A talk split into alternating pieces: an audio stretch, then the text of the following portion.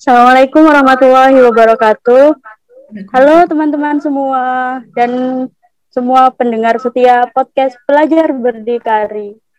Hari ini kita berjumpa lagi ya di episode 2 podcast Pelajar Berdikari. Pada episode kali ini kita semua akan kedatangan tamu yang sangat spesial sekali dan nanti akan ngobrol-ngobrol panjang bersama kita semua. Sebentar lagi kita akan mendengarkan suara dari tamu podcast kita di episode kali ini, yaitu Mbak Mbak Septi dari pimpinan cabang istimewa Muhammadiyah Jerman. Selamat datang dan selamat bergabung Mbak Septi. Assalamualaikum warahmatullahi wabarakatuh. Terima kasih Mbak Alda. Ya, Waalaikumsalam warahmatullahi wabarakatuh. Jadi nanti kita akan ngobrol-ngobrol santai selama 30 menit atau 40 menit ke depan.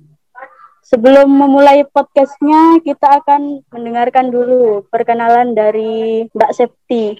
Silahkan Mbak Septi bisa diperkenalkan. Oke, secara singkat aja. Mbak Alda. Ya, assalamualaikum warahmatullahi wabarakatuh, teman-teman semuanya. Uh, terima kasih atas undangannya ya, uh, diberikan kesempatan untuk sharing di sini berbagi uh, seputar um, pengalaman saya gitu ya uh, dari uh, apa namanya menjadi pelajar maupun uh, uh, bekerja di Jerman. Uh, nama saya Septi Pancasakti, saya lahir di Magelang.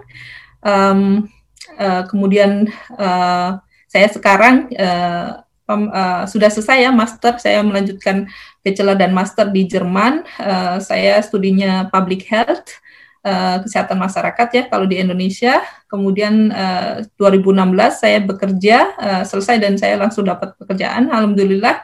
Uh, dan sekarang uh, saya bekerja menjadi proyek koordinator untuk uh, masalah kesehatan uh, uh, migran dan uh, apa namanya uh, kesehatan. Kemudian uh, di di antaranya itu saya juga menjadi salah satu dosen gitu ya uh, apa namanya uh, di uh, Universitas of Health Science di sini di di di Jerman.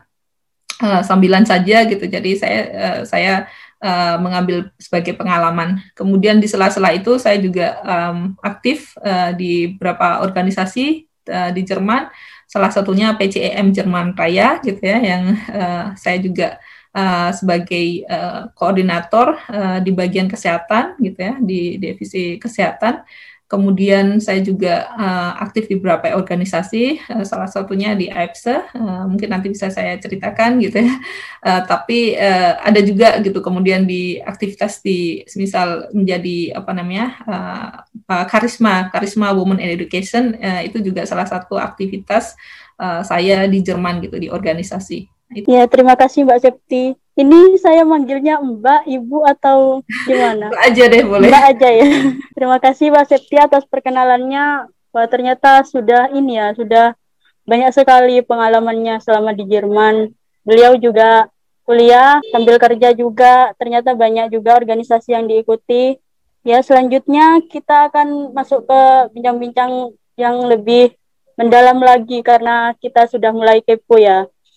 Setelah lama berdomisili di Jerman, kira-kira first impressionnya Mbak Septi ketika menjadi mahasiswa atau aktivis Muhammadiyah di sana seperti apa Mbak? Ya. Bisa diceritakan. Terima kasih pertanyaannya. Saya hadir, uh, so datang di Jerman tahun 2007, cukup lama ya, sekitar hampir berapa, 13 tahun ya, ya kurang lebih ya. Uh, jadi uh, uh, cukup hmm, apa namanya memiliki pengalaman-pengalaman gitu ya tinggal di Jerman atau apa namanya ber, ber, berkuliah dan bekerja di Jerman. Uh, jadi uh, saya pertama datang uh, 2007 um, itu tidak apa tidak tahu apa-apa ya maksudnya uh, saya uh, saya datang kemudian saya uh, dengan program uh, mungkin nanti bisa di searching namanya pair program atau disebut homestay jadi kita tinggal di salah satu keluarga di Jerman yang berbahasa Jerman gitu. Kemudian uh, di situ kita juga apa namanya uh, berada gitu uh, di keluarga itu ikut membantu. Kemudian kita juga mendapatkan uh, jaminan dari keluarga tersebut gitu. Dan kita juga bisa belajar bahasa jadi sangat sangat membantu saya untuk bisa pertama beradaptasi dengan sistem Jerman gitu. Karena kalau saya langsung datang gitu kemudian berkuliah uh, masih sangat asing. Jadi saya mempergunakan satu tahun itu untuk uh, apa namanya uh, ini ya um, mengenal lebih dekat kultur Jerman dan bahasa Jerman. Jadi ketika saya selesai homestay atau oper program saya uh, kemudian uh, melanjutkan lebih dalam berbahasa Jerman gitu ya saya kemudian uh, kursus intensif untuk mendapatkan sertifikat uh, selevel mungkin uh, TOEFL atau um, ini IELTS ya dalam bahasa Inggris untuk bisa memulai kuliah di Jerman. Nah itu uh, kemudian saya uh, mengambil itu kemudian saya ujian gitu ya ada ujiannya Uh, kemudian setelah itu setelah mendapatkan sertifikat karena saya sudah berkuliah di Jerman jadi saya bisa uh, mensetarakan ijazah saya sebetulnya gitu ya. Uh, karena saya ambil bidang yang lain, jadi saya tidak bisa melanjutkan master langsung gitu ya. Uh, karena di Jerman sistemnya uh, ini ya terpadu gitu. Jadi ketika basicnya uh, kita uh, semisal science atau bahasa semisal ya, kemudian kita mau ngambil kedokteran itu nggak bisa gitu. Jadi kita harus se sejajar gitu ya. Jadi karena karena saya S1-nya waktu itu di Unpad uh, ambilnya sastra Inggris gitu. Kemudian ketika saya mau ngambil bidang kesehatan gitu ya, itu nggak bisa. Jadi um, harus uh, harus mulai dari bachelor lagi. Jadi waktu itu saya memulai dari bachelor mengambil uh, kese, uh, apa sistem kesehatan gitu ya apa namanya uh, manajemen so manajemen kesehatan. Uh, kemudian saya lanjut S1-nya di bidang tersebut. Uh, alhamdulillah selesai on time 4 tahun. Kemudian saya lanjut uh, kemudian ke master public health gitu di kota yang lain di Fulda yang sekarang saya tinggal gitu. Uh, kemudian um, habis itu saya baru uh, aktif ya di VCM ketika saya uh, studi master gitu ya di di di kota yang lain gitu. Jadi baru kenal dengan teman-teman juga waktu itu juga uh, eh, PCM uh, eh, ini ya baru diinisiasi gitu ya.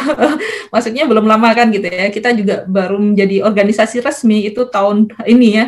Gitu sudah sebenarnya kegiatan kita sudah lama tetapi baru diinisiasi tahun ini gitu ya. Sudah resmi menjadi organisasi yang uh, dikenal oleh pemerintah Jerman gitu ya atau diterdaftar terdaftar di uh, sebagai lembaga resmi di Jerman gitu. Dan sekarang saya bekerja di bidang kia kesehatan Eh, masyarakat gitu, sosial dan kesehatan masyarakat.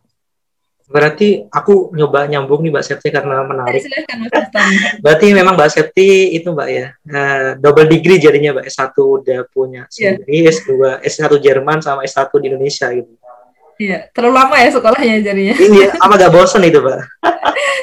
Saya juga justru mau pingin sekolah lagi sebetulnya. disuruh disuruh stop katanya. Jangan sekolah terus gitu, kerja atau cari yang lain pengalaman gitu. Sebenarnya hmm. menurut saya mencari apa bersekolah itu paling nyaman menurut saya itu menjadi student gitu ya. Ketika saya menjadi pelajar gitu. Sebenarnya karena ya kalau ketika kita bekerja tanggung jawab kita kan beda ya. Kalau kita sebagai pelajar maka kita bertanggung jawab dengan diri sendiri dan mungkin orang tua kita sebagai penyandang dana ataupun mungkin yang keluarga kita yang sebagai penanggung jawab kita lah gitu ya. Uh, tapi kalau kita bekerja maka uh, tanggung jawab kita akan lebih luas lagi. Memang lebih stres ya tapi memang pengalamannya akan jauh berbeda gitu ya. Uh, kita ditantang uh, bagaimana kita mengimpli, uh, mengimplementasikan uh, ilmu kita di masyarakat gitu ya. Uh, dan itu cukup menantang sih gitu ya kalau bisa belajar gitu kemudian apa uh, lebih gitu ya ada ada uh, kesempatan lebih untuk untuk ambil kuliah dan berkuliah lagi itu sangat saya anjurkan gitu. Karena masih banyak apa namanya yang menarik gitu ya untuk dipelajari gitu ya. Di berbagai bidang ya tidak hanya dalam bidang bidang kesehatan ataupun bidang yang lainnya. Sangat-sangat banyak dan menarik gitu. Dan itu membuka kesempatan yang lain dimensi yang lain gitu. Dan itu juga nanti juga akan ada peluang-peluang yang lain yang bisa kita dapatkan gitu dulu kan ini mungkin Mbak ya, tanya lagi. dulu kan uh, Mbak Septi setelah lulus dari S1 di Unpad ya, Universitas Pajajaran yeah. Bandung. Terus kenapa sih kok bisa akhirnya mau memutuskan di Jerman gitu Kak? Kok gak negara lain? Sedangkan mungkin kan Jerman juga jauh dari Indonesia, kok gak di Asia aja misalnya di Korea atau mana gitu. Mungkin pastinya akan ada ada alasan tersendiri gitu. Apalagi kan mungkin nih Mbak ya Jerman juga terkenal sama yang hmm, ya yang kurang enak lah apalagi kita Mbak Septi sebagai muslimah gitu Mbak. Uh, menurut saya juga itu mungkin takdir ya. Allah sudah menggariskan gitu. Nggak tahu juga saya sebenarnya ketika diskusi saya sebenarnya ketika lulus dari Unpad gitu uh, saya ingin kuliah lagi mengambil di negara-negara yang berbahasa Inggris misal Australia gitu Amerika Inggris gitu ya um, yang berbahasa Inggris gitu. Karena memang tidak akan sulit dan langsung gitu ya kita akan bisa langsung uh, untuk S2-nya gitu. Uh, tetapi ketika saya mendaftar syaratnya cukup ini ya kalau cukup ketat ya kalau um, nggak satu um, asisten dosen dan saya waktu itu bukan asisten dosen uh, di Unpad gitu ya. Karena saya juga merasa salah jurusan waktu itu karena saya berasal dari IPA salah jurusan. Jadi saya tidak terlalu konsen walaupun nilainya juga nggak jelek-jelek amat masih tiga koma tapi tetap saya nggak terlalu fokus untuk mendalami sastra gitu ya waktu itu. Karena hanya untuk menghabiskan waktu saja gitu ya tadinya.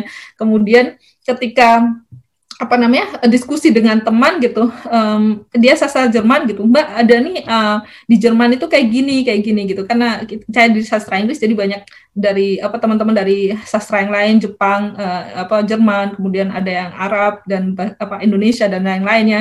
Itu mereka juga sering sharing ya bagaimana kuliah di sana dan kehidupan di sana dan segala macam tetapi uh, gimana saya tertarik dengan Jerman waktu itu gitu. Karena ada ada pilihan itu homestay dulu gitu. Kemudian cari pengalaman kan. Dan di Jerman itu kuliahnya masih gratis gitu ya.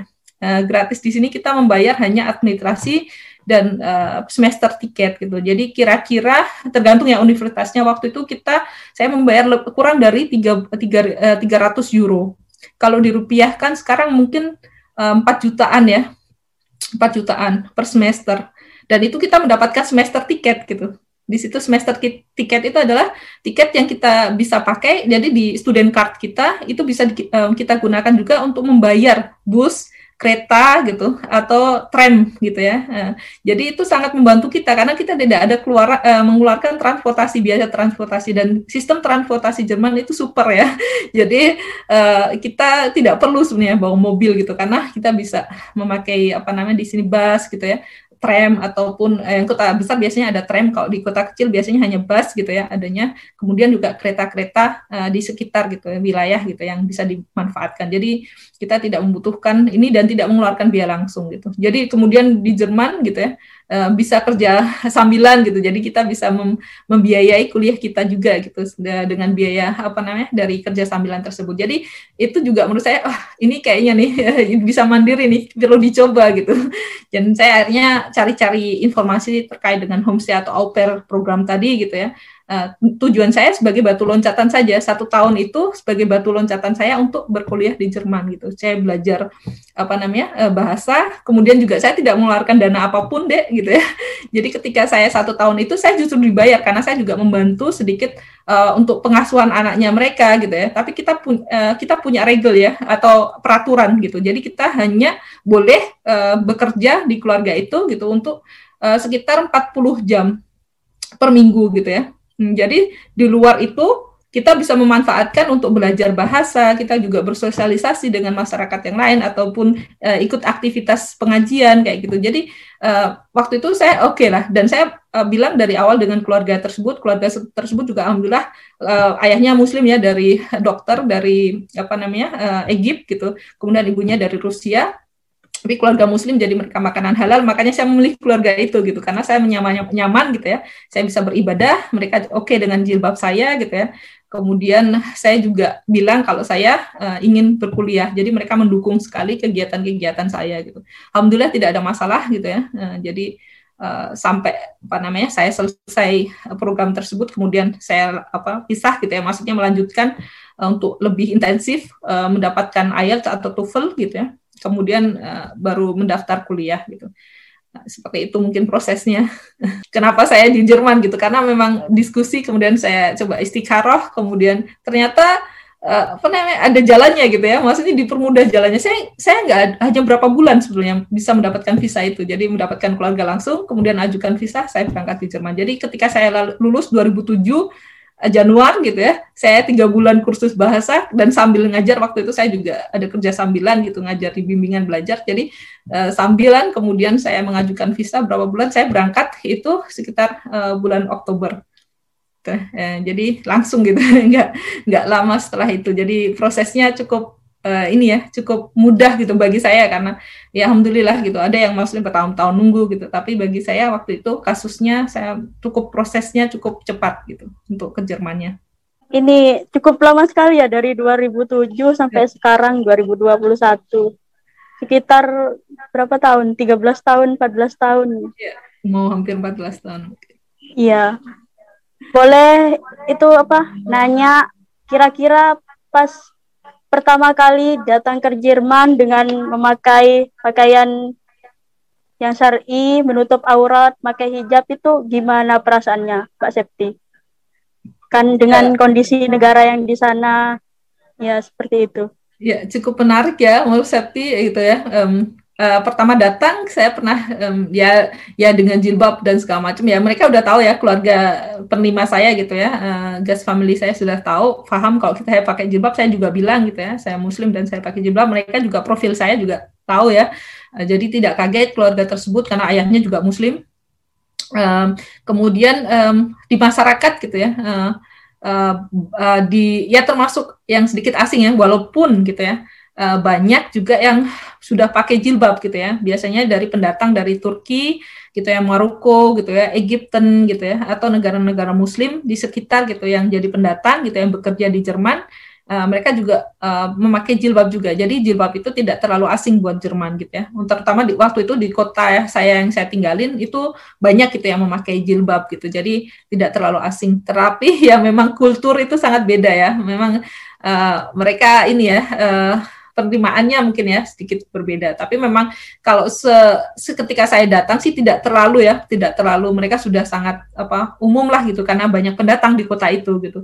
Tapi ketika saya uh, dengar dari teman-teman yang uh, apa namanya datang di kota yang lain atau provinsi yang lain dengan apa namanya penduduk yang uh, semisal uh, mayoritas uh, orang Jerman gitu ya itu akan berbeda penerimaannya atau mendapatkan juga uh, sedikit mungkin uh, ini ya diskriminasi dan yang lainnya. Alhamdulillah ketika saya datang sih tidak ya, tidak belum gitu, belum mendapatkan diskriminasi tersebut gitu.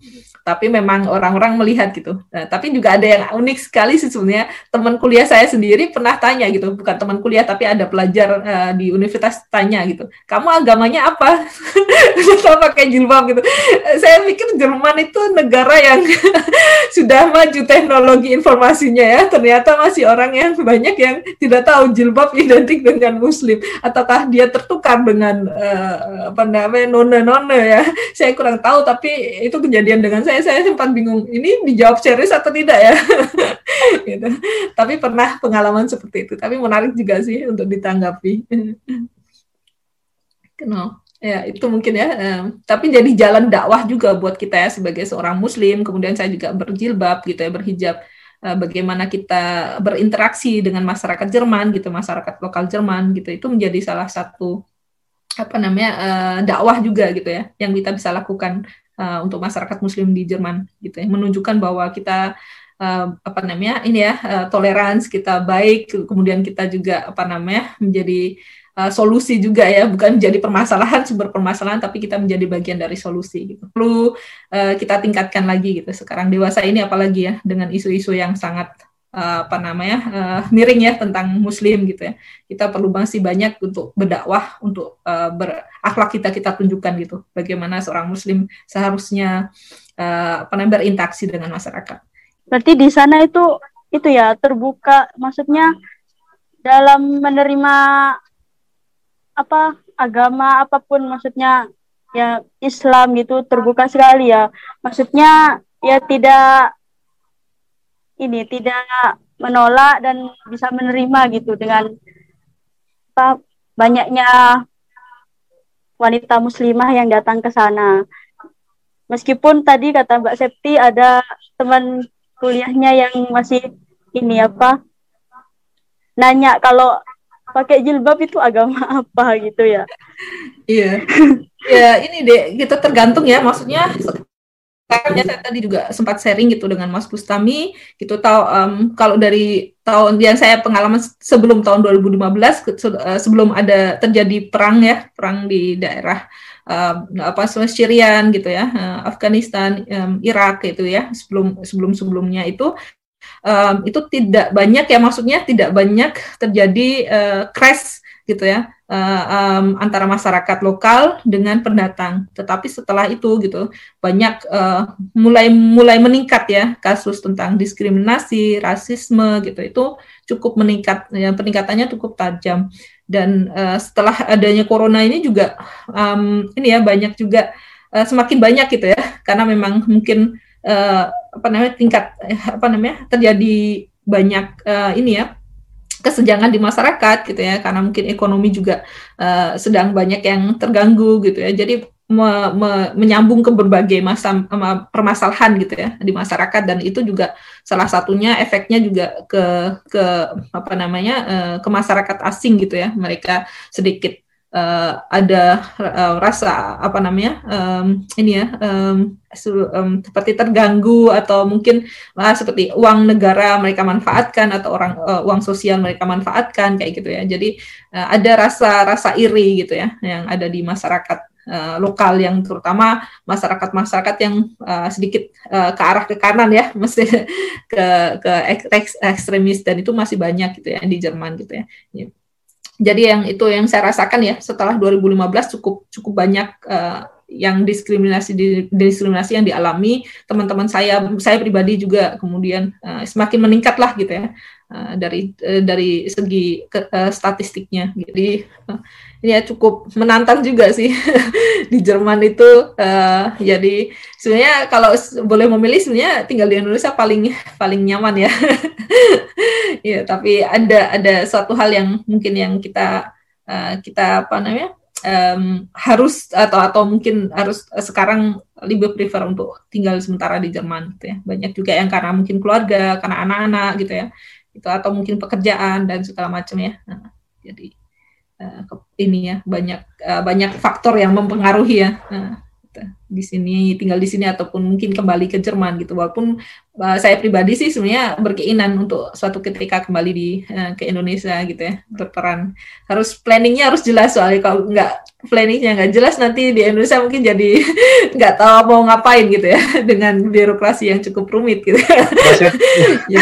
Mbak Septi ini aset bangsa Mbak. Jadi harus kembali. Mungkin meskipun nggak dalam waktu dekat tapi harus kembali karena benar-benar aset bangsa. Banyak baik Nanti kalau misalkan ke Indonesia bisa main ke Madura, Mbak. Boleh, Ketemu boleh. Wah, ini cocok nih. Kita boleh. sajikan di Besinjai nanti. Ya, nih sih. boleh, boleh. sip, sip. Boleh nanti dicatat nanti. Iya, Mbak Septi, saya sambung lagi pertanyaannya. Silahkan. Kira-kira populasi Islam di sana dan kegiatan beribadahnya apa terbuka di Indonesia atau bagaimana? Mungkin bisa diceritakan. Nah ya, um, Islam di sini kalau saya kurang tahu ya berapa persen ya uh, di sini saya harus lihat statistik datanya. Tapi orang uh, dengan uh, latar belakang migrasi itu sekitar uh, seperempat dari populasi Jerman. Populasi Jerman uh, keseluruhan itu sekitar 84 juta uh, gitu ya. Uh, jadi sebenarnya kalau dibanding Indonesia berapa? Indonesia 250 juta ya. Jadi bisa dibayangkan berapa kalinya gitu ya uh, dari populasi Indonesia gitu ya. Uh, sedikitnya maksudnya. Dari wilayah sendiri Indonesia jauh lebih luas ya, lima kali lebih besar daripada uh, Jerman gitu. Tapi Jerman sendiri memang uh, memiliki ini ya uh, history gitu ya uh, awal gitu um, awal setelah perang dunia kedua kan mereka banyak mendatangkan Eh, tenaga kerja dari asing termasuk di situ di dalamnya dari eh, negara-negara uh, sebelah gitu Turki termasuk di dalamnya. Jadi memang uh, banyak pekerja yang dulu datang gitu ya uh, karena memang diundang oleh pemerintah Jerman untuk bekerja di Jerman. Jadi itu salah satu yang mungkin melandasi banyak populasi Muslim di Jerman termasuk yang berasal dari Turki Maroko gitu ya negara-negara uh, Muslim yang lainnya gitu tangga gitu ya. Egypten juga ada sebagian kecil gitu ya. Jadi di sini komunitas yang terbesar memang uh, dari Turki biasanya Muslim yang terbesar gitu dan mereka punya populasi yang memang uh, cukup banyak ya uh, di, uh, di terutama di wilayah-wilayah yang memang dia banyak populasi asingnya. Misal di uh, wilayah Baden-Württemberg atau provinsi Baden-Württemberg di Stuttgart. Itu saya pernah uh, praktikum di uh, Departemen Kesehatan provinsi gitu ya. Di situ statistiknya sudah itu tahun 2000 berapa ya? 9 kalau nggak salah. Uh, saya di situ itu statistiknya udah setengah dari populasi di uh, negara apa nih di, di apa namanya kota Stuttgart itu udah setengahnya orang asing.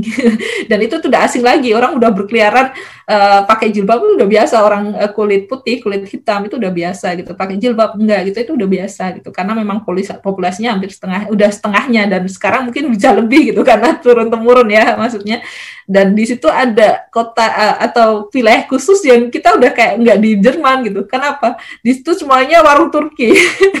Jadi restoran Turki, uh, pakaian apa namanya? Pak, uh, toko pakaian Turki, kemudian supermarket Turki. Udah udah berasa yang lain gitu negara ini masih di Jerman nggak sih? ya itu ada di wilayah tertentu kayak mungkin kita Cina Town gitu ya di Indonesia gitu.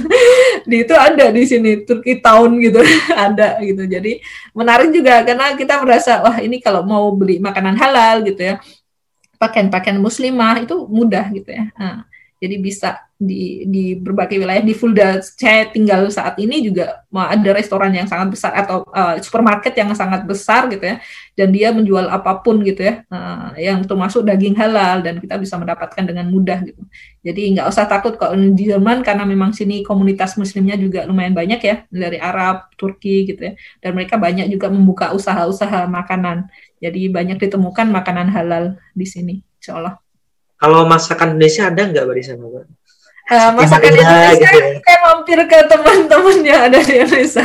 Atau kita mampir ke pengajian atau pengajian kota. Biasanya kita mendapatkan makanan Indonesia karena orang Indonesia tuh super banget lah untuk untuk masalah memasak-masak gitu. Jadi kalau ada kumpul-kumpul pertemuan gitu ya itu banyak sekali ibu-ibu yang uh, yang memang jago masak dan mereka dengan senang hati gitu ya uh, apa namanya memberikan sajian-sajian Indonesia gitu. Atau ada juga yang membuka usaha pesanan. Itu banyak itu deh gitu. Dulu teman ada satu teman saya gitu ya anak peng, uh, anak pengajian di uh, Frankfurt dia membuka usaha bikin bakso dan sejenisnya itu penghasilannya dia bisa sampai 3000 euro per bulan bisa dibayangin 3000 euro itu sekelas, kita di, dikalikan dengan 17.000 berapa gitu ya sekarang dengan nilai uh, rupiah gitu ya. Uh, itu di sambilan itu.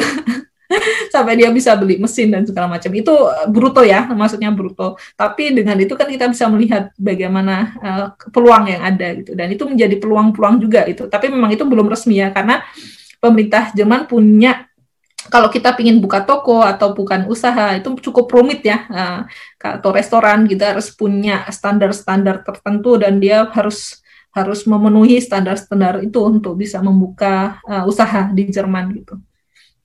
Jadi makanya banyak yang sambilan gitu. Kalau sambilan masih boleh gitu ya, masih boleh gitu ya banyak yang buka usaha apalagi Ramadan saat ini banyak yang buka apa namanya pre-order gitu ya. Rendang bakso. Jadi kalau kangen dengan makanan-makanan itu tinggal pesan ke ibu-ibu yang memang uh, sering atau menawarkan gitu ya untuk pesanan gitu. Banyak itu di di uh, berbagai kota gitu ada. Berarti sore hari berburu berburu takjil takjil juga gitu mbak ya ya, Indonesia. Ya, sekarang karena corona uh, sayang kita nggak bisa berbuka puasa bersama ya. Kita nggak boleh juga dan di Jerman cukup ketat gitu. Hanya boleh uh, dua keluarga, dua keluarga dan itu ada maksimalnya gitu.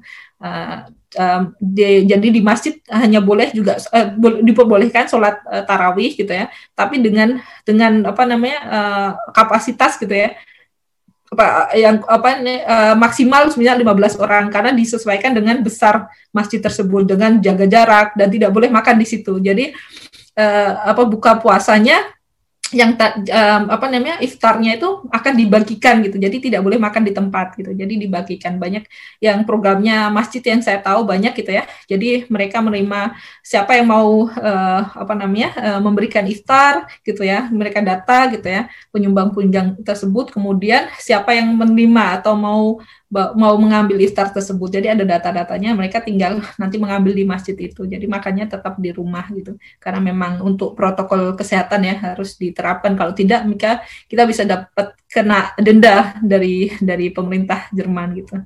Dan itu kita harus tunjukkan bahwa kita juga tertib ya untuk menerapkan protokol kesehatan tersebut karena itu contoh yang baik ya.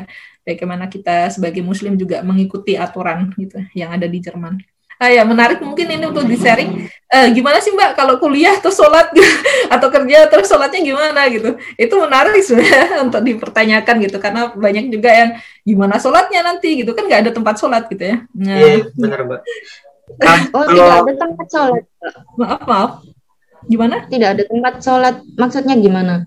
Ya kan uh, orang Jerman kan eh, mayoritas bukan orang Muslim ya gitu. Uh, jadi tidak ada masjid gitu ya atau musola yang kita bisa gunakan untuk sholat.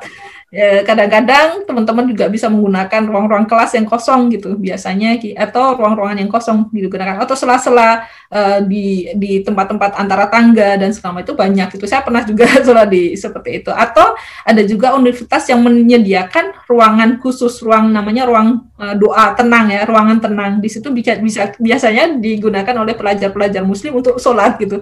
Di situ juga apa namanya misal agama lain bisa menggunakan gitu di situ untuk berdoa dan segala macam. Tapi ruangan itu biasanya juga digunakan uh, oleh mahasiswa muslim untuk beribadah. Tapi ada juga universitas yang dia punya gitu ya khusus ruangan untuk seperti uh, kita bilang musola kecil lah kita gitu, untuk uh, sholat di situ. Tapi tidak semua universitas atau uh, ini ya uh, sekolah punya seperti itu. Memang harus kita pintar-pintar gitu untuk untuk bisa cari waktu gitu. Uh, kemudian butuh effort juga ya ternyata Mbak buat beribadah di sana. Ya tantangan. Tapi itu nikmatnya deh. Itu kalau di Indonesia kita mungkin mudah ya kita menemukan apa namanya musola. Kita bisa sholat di mana pun gitu ya, bisa berhenti di mana pun. Tapi di Jerman ini butuh keimanan yang kuat gitu untuk kita bisa apa namanya menjalankan ibadah lima waktu. Kalau kita tidak ada keimanan yang kuat ya kita akan meninggalkan dengan nyantai gitu karena memang susah gitu ya maksudnya uh, akan uh, akan kita harus apa namanya apa effortnya gitu ya. Usahanya harus lebih tinggi gitu untuk bisa beribadah gitu. Apalagi di sela-sela rapat gitu kan keluar bentar gitu ya. Ya tapi kalau kita merasa bahwa Allah nomor pertama gitu ya nomor pertama ya harus ini kita kita ini ya kita waktunya itu harus kita bukan waktu kerja kita paskan dengan waktu sholat tapi waktu sholat apa eh, waktu waktu sholat bukan kita paskan dengan waktu kerja tapi kebalikannya waktu kerja kita paskan dengan waktu sholat atau waktu belajar kita paskan dengan waktu sholat harusnya seperti itu ya ya insya Allah nanti dimudahkan juga bagian yang lain. Sebenarnya menarik juga, saya pernah kasus ketahuan sholat waktu kuliah gitu sama profesor. Apa yang profesor malah lakukan gitu dek? Bukan saya di tentara atau dimarahin enggak gitu, malah dia tanya kepada universitas bagian kemahasiswaan ada ruangan kosong nggak yang bisa digunakan untuk ibadah gitu. Jadi saya jadi masalah gitu ya kemudahan-kemudahan Allah yang dihadirkan gitu ya. E, malah dia yang tanya gitu sama sama sama uh, departemen yang khusus untuk mengurusi kemahasiswaan apakah gitu ya ada ruangan yang untuk bisa digunakan gitu. Jadi ya itu ya kemudahan dari Allah gitu ya. Mungkin kalau kita kita inilah gitu ya. Dan apa namanya? Uh, saya rasa kalau jangan takutlah menjadi muslim gitu ya maksudnya kita harus bangga menjadi muslim gitu seperti itu ya. Nah, di mana pun kita berada ya kita bisa menunjukkan identitas kita sebagai seorang muslim gitu. Itu sih. Memang tantangan tersendiri harus berani ya. Pertama yeah. masih iya. banyak. Masih gitu? Berarti di film-film tuh bener kak ya? Kalau mus pelajar muslim di luar negeri itu rata-rata sholatnya di bawah tangga gitu-gitu ya. Itu bener real life gitu ya? filmnya iya iya Ya, menarik, menarik. Ya, ketika kerja juga mungkin banyak yang kak tanya, Mbak, gimana sih dapat kerja gitu ya dengan jilbab kan kadang-kadang ya, ya kalau kita berdoa sama Allah yang punya rezeki siapa? Allah kan gitu. Jadi yakin aja lah gitu. Allah ya, apa yang kurang dari Allah karena Allah punya segalanya. Manusia punya cuma secuil aja kan gitu. Jadi jangan takut lah gitu ya. Kalau kita kita kita yakin ber, kita hanya bergantung sama Allah, insya Allah Allah yang selalu ketika saya pertama gitu saya waktu lulus gitu saya hanya part time ya, maksudnya kerjaannya belum full. Dan saya mengambil kerjaan yang lain gitu uh, di rumah sakit khusus orang tua di sini ada gitu ya. Dan saya pernah juga praktikum di situ dan pernah punya pengalaman di situ. Makanya saya daftar. Kemudian uh, apa namanya manajernya tanya kamu bisa lepas jilbab nggak gitu untuk kerja di sini? Saya langsung jawab dengan seketika itu terima kasih mereka harus respect dengan jilbab saya. Kan kerjaan saya bukan masalah jilbab saya yang menjadi masalah kan gitu maksudnya. Uh, yang penting kan um, saya ilmu saya uh, ya apa, kalau kerja saya baik nggak ada hubungannya dengan jilbab saya gitu. Gitu maksudnya seperti itu. Dan ya uh, kalau memang juga Allah uh, saya nggak mau uh, ketika saya bekerja saya mengorbankan keimanan dan uh, keimanan saya gitu ya. ya itu menurut saya Allah yang pertama gitu. Ya, saya selalu menerapkan mencoba gitu. Rezeki Allah yang ngatur gitu. Saya kemudian pulang gitu ya. Kemudian apa? Ditelepon sama dia ya kamu bisa bekerja. Siapa memutuskan gitu? Juga alhamdulillah gitu maksudnya uh, jangan takut lah gitu ya. Nah, maksudnya uh, saya juga mm, ketika minta ya ya Allah kasihlah pekerjaan yang bisa bisa saya fleksibel saya bisa tetap ibadah dan segala macam. Alhamdulillah sekarang gitu dengan pekerjaan saya saya jalani sekarang gitu masih bisa fleksibel dan saya bisa menjalankan ibadah gitu ya. Walaupun mungkin kita harus mencari-cari waktu-waktu yang tepat tapi alhamdulillah gitu ya tidak apa tidak ada kesulitan gitu yang mungkin yang uh, apa namanya sampai kita harus dipecat itu enggak gitu. Karena apa namanya uh, ini ya ya tergantung kitanya lah gitu ya. Seperti seperti kalau kita kerjaannya bagus kemudian kita bisa menunjukkan kapabilitas kita insya Allah um, jilbab tidak akan menjadi masalah gitu, gitu.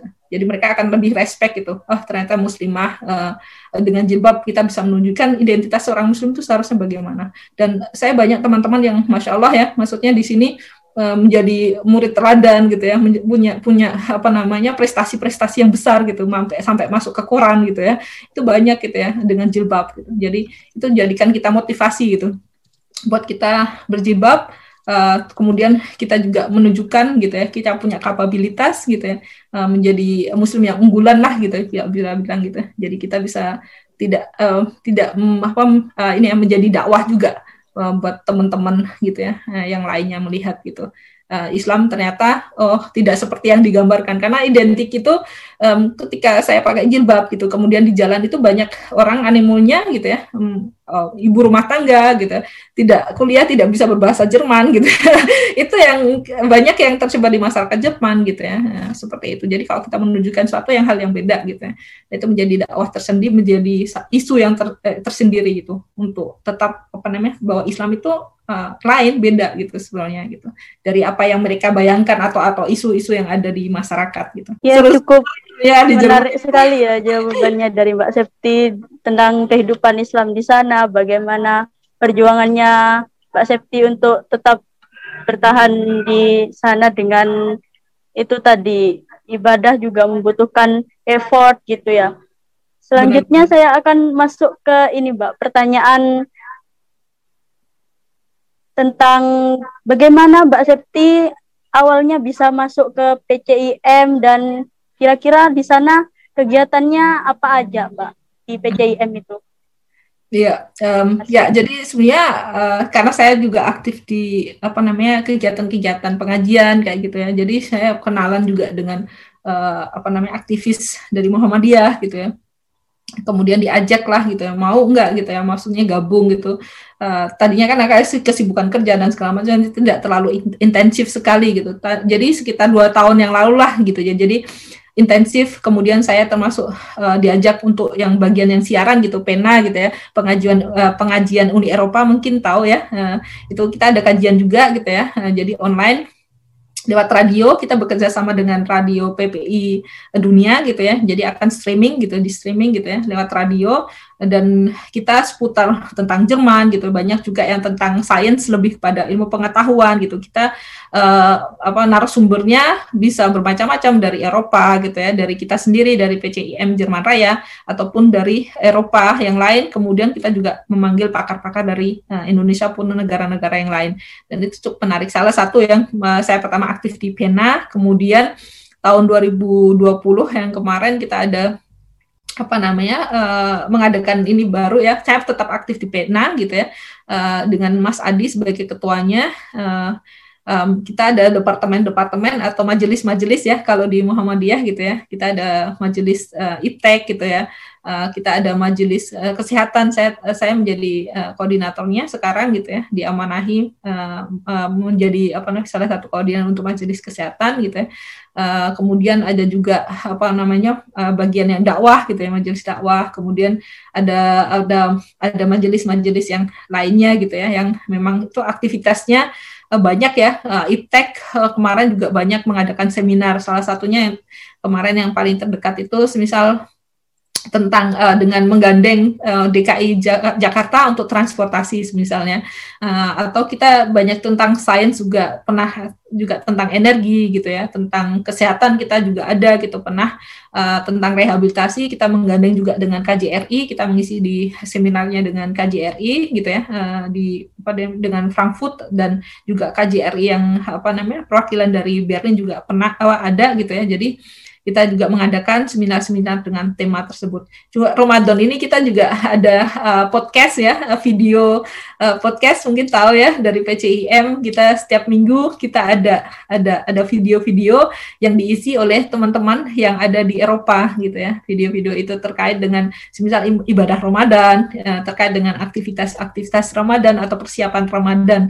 Yang itu juga disiarkan gitu ya di YouTube nanti bisa disaksikan mungkin itu aktivitasnya selain ada pengajian pega gitu ya. Kita full biasanya sih uh, corona bukan memper sedikit kegiatan sebenarnya online seminar itu banyak sekali sehari itu bisa uh, saya sampai pusing harus memilih yang mana gitu ya. Karena waktunya sering barengan gitu ya, berbarengan. Memang itu ya jadi berkahnya sendiri ya mungkin untuk corona bukan hanya apa uh, kita terbatas gitu membatasi gerak-gerak kita tetapi di lain sisi kita juga memperkaya gitu dengan aktivitas-aktivitas online yang lainnya yang bisa kita juga hadiri gitu. itu mungkin ya untuk seputar kegiatan dari VCIM nanti bisa lebih detailnya uh, bisa lihat di mungkin kegiatan-kegiatan yang ada di VCIM kita bisa sharing juga nanti kalau misal mau gabung gitu ya untuk kegiatan-kegiatan terdekat VCIM kapan-kapan mungkin kita bisa kolaborasi lagi yeah. dalam lingkup yang lebih besar gitu. Ya, boleh, boleh. uh, biar mungkin nanti. cakrawala berpikir kita mungkin dari teman-teman Bangkalan ini lebih terbuka seperti Mbak Septi kan luar biasa banget pengalamannya Mbak. Ya, ini masih banyak yang uh, luar biasa yang lainnya teman-teman di sini, masya Allah lah luar biasanya perjuangannya gitu. Dengan kapasitasnya masing-masing ya, uh, yang ibu rumah tangga, kemudian juga um, apa namanya yang apa harus apa namanya ini juga kuliah itu ada juga atau bekerja gitu ya, uh, ataupun yang sekarang sedang doktoran itu banyak juga dengan perjuangannya masing-masing ya. Berkeluarga doktoran gitu. Itu banyak juga. Ya, sih uh, buat teman-teman yang ada di Indonesia jika ingin berkuliah di Jerman seperti apa? Mungkin kalau saya kan jalurnya tanpa beasiswa ya. Kalau ada teman-teman yang dengan beasiswa ataupun nanti di sini uh, eh, S1 kemudian S2-nya mendapatkan beasiswa mengajukan beasiswa ada juga gitu. Jadi berbagai macam jalan masih bisa dijalani lah gitu ya. Uh, memang kalau misal langsung dari Indonesia untuk uh, misal normal menjadi pelajar di Jerman itu membutuhkan dana yang lebih ya. Kalau dengan program saya gitu, au pair program yang saya jalanin, saya tidak modal apa-apa sebelumnya. saya modalnya dari sini gitu ya. Saya saya apa namanya kalau teman-teman yang ada di Indonesia gitu untuk untuk ke Jerman langsung mendaftar itu biasanya mereka harus memiliki sekitar 8.000 euro gitu ya ya 8.000 euro sekitar mungkin 130 juta di untuk untuk dana awal ya. Untuk ditunjukkan kepada perusahaan Jerman kalau kita punya dana ini gitu agar pemerintah Jerman itu menjadi jaminan bahwa kita hidupnya nanti awal-awal di sini nggak gelantung ke mana-mana gitu. Jadi pemerintah Jerman butuh jaminan. Nah itu uang jaminan itu yang digunakan untuk awal-awal kehidupan di Jerman gitu. Untuk pelajar ya yang biasanya yang uh, dari Indonesia mendaftar uh, langsung untuk studi di Jerman Nah, itu yang biasanya. Kalau beasiswa mungkin pro, beda ya. Uh, kalau yang biasanya bekerja di pemerintah atau di institusi pendidikan, uh, kemungkinan-kemungkinannya besar gitu ya untuk mendapatkan beasiswa atau pengajar ya biasanya. Ini puasanya Mbak Septi 18 jam apa berapa ya, jam? Ini uh, kita dari jam 4 ya sekitar jam 4 uh, sampai jam uh, 20 30-an eh, kurang lah ya. itu ini sekarang masih lebih baik deh kalau dua atau tiga tahun yang lain itu yang high summernya kita berbukanya baru jam 9 malam gitu ya dari jam 3 malam.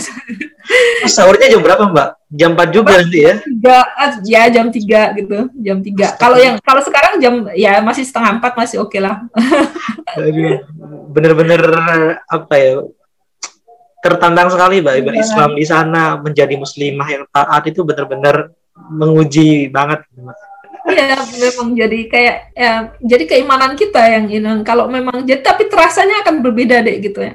Nah, kalau apa kita dengan kesulitan ketika kita menjalankan itu akan berbeda dengan kita berbagai kemudahan gitu. Jadi merasa ah tidak berarti kan kalau kita mendapatkan atau uh, effortnya lebih tinggi gitu ya untuk memperoleh sesuatu kan kita akan lebih bangga ya. Maksudnya lebih apa wah ini nih gitu dijaga lah gitu kalau kita cuma beli barang mahal gitu ya uh, otomatis kita akan daripada yang cuma seribu rupiah gitu.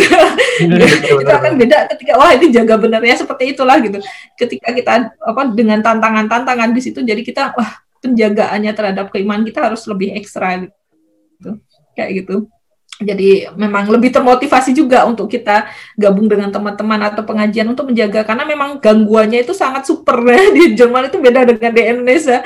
Di, di Indonesia lingkungan mendukung teman-teman mendukung. Kalau di Jerman salah salah pilih teman itu bisa salah jurusan kita.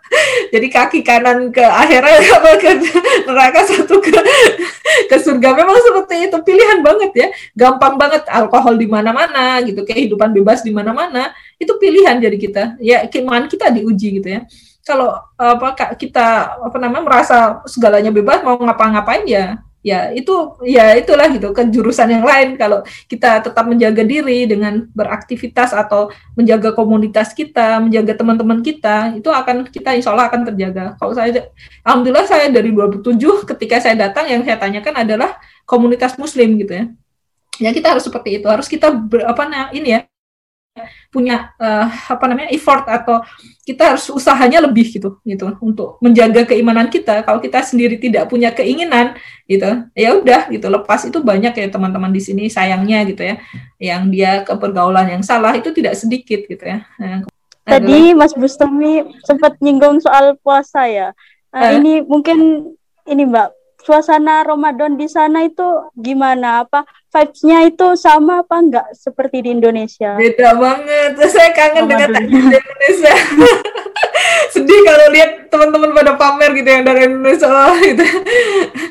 uh, apa namanya bisa beli saya dulu juga maksudnya ketika di Unpad gitu ya. Wah, apa namanya kita berburu takjil gitu ya. Eh, di jalan gitu ya.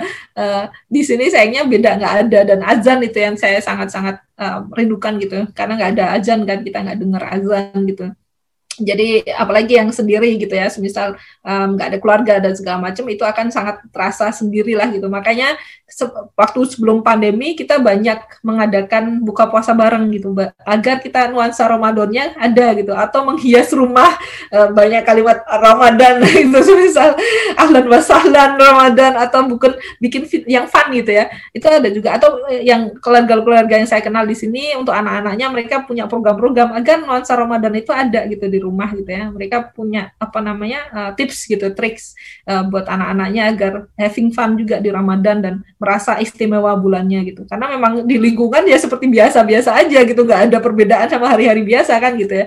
Tetap kerja tetap sekolah tetap ya apa nggak ada bedanya sama sekali lah gitu antara Ramadan dengan tidak. Makanya kitanya harus punya effort gitu atau usaha untuk menjadikan itu bulan yang beda gitu dari bulan-bulan yang lain gitu uh, mereka dari tahun 2020 kemarin gitu ketika corona datang itu memang ada apa namanya pembatasan-pembatasan uh, gitu sampai ada lockdown juga gitu.